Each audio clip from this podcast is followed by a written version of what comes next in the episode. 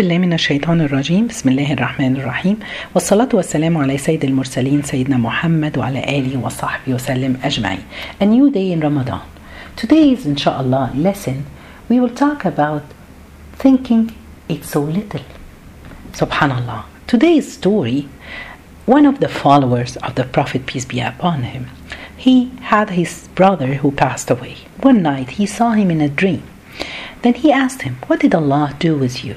He said, I've been asked about things I've never thought about it. One day I was walking between two fields. Then I found a, a, a cup of corn on the floor.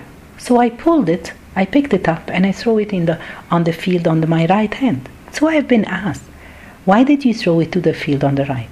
Do you know that this belonged to this one? Maybe it was belonged to the other one Then, didn't you hear the say of Allah subhanahu wa ta'ala that in Arabic, uh, وَلَا تَقْفُ مَا لَيْسَ لَكَ بِهِ عِلْمٍ which is, and do not say, O man, anything which you have no knowledge about.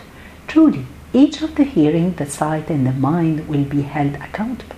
We will be held accountable for everything. So please, we have to be very careful, not saying anything that we don't know about. Don't do anything that you're not sure about.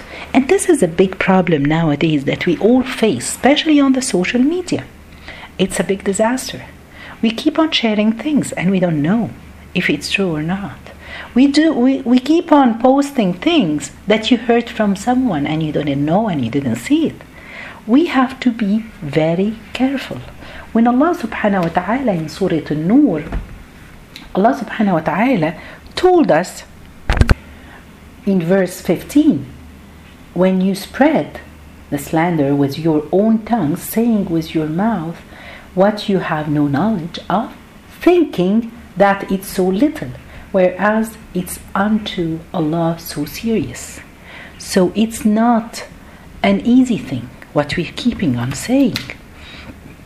Another righteous man, he saw his father after he passed away in a dream. So he, he saw him that he's suffering. So he asked his dad, and his dad he was a trader or a businessman. So he asked him, "What's wrong?" He said, "I've been asked. Allah is punishing me because I didn't use to clean the the the, the balance from between each person who uh, buy things from me or who buy yeah. Subhanallah. The balance itself he wasn't use he didn't use to clean it between one person and another person. As we said don't think it's an easy thing. In allah's so for allah it's not an easy thing. Unto allah it's so serious. We have to take the things serious nowadays so, what's my message today? My message today, we have to be very careful. Don't say that's a, it's okay, no problem. Everyone is doing it. Don't be that like that. No, we have to be serious in everything that we're doing.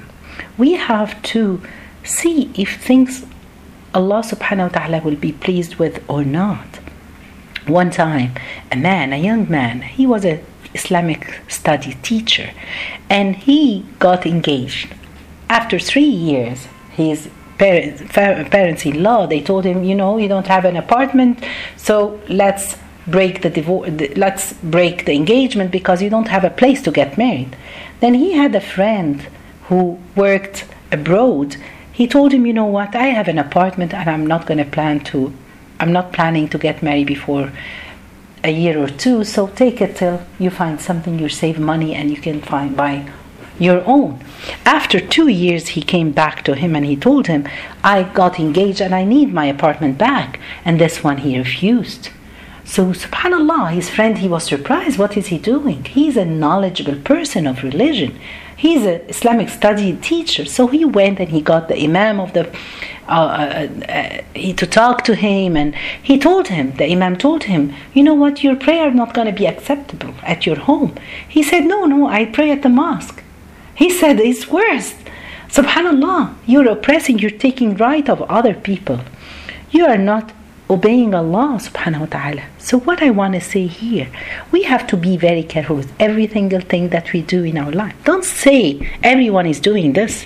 When you you walk in the street and you, you throw a piece of tissue or uh, um, you spit or you, you, your cig- cigarette in the street all these things we're going to be asked about in the on the day of judgment.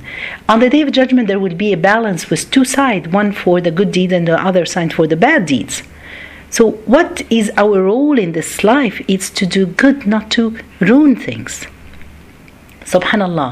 And when we have been created the angels asked Allah subhanahu wa ta'ala, Are you gonna put people who are gonna destroy this earth?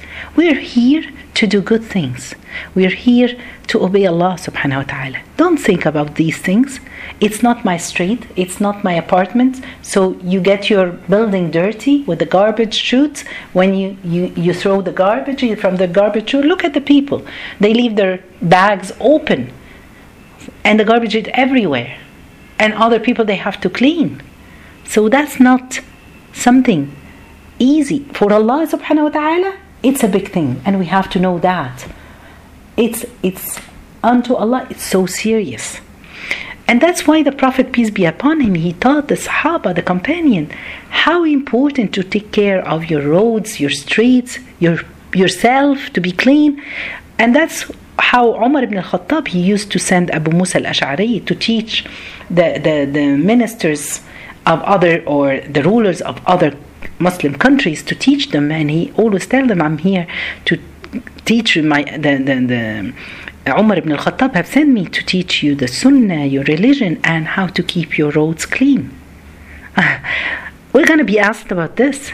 And remember when the Prophet, peace be upon him, he told the people about a man that one time he was walking in the street and he saw a, a, a, a branch of a tree and he took it and he put it aside. Allah was pleased with him and because just and he didn't have any good other good deeds but Allah thanked him for what he had done and he he granted him paradise so what I want to say let's always see Allah in front of your eyes and don't you ever thinking that it's so little anything that you're doing it's so little whereas it's unto Allah is so serious we have to remember that may Allah subhanahu wa ta'ala grant us all paradise may Allah forgive all our sins especially all those things that we have done without knowledge جزاكم الله خير سبحانك اللهم بحمدك أشهد أن لا إله إلا أنت استغفرك وأتوب إليك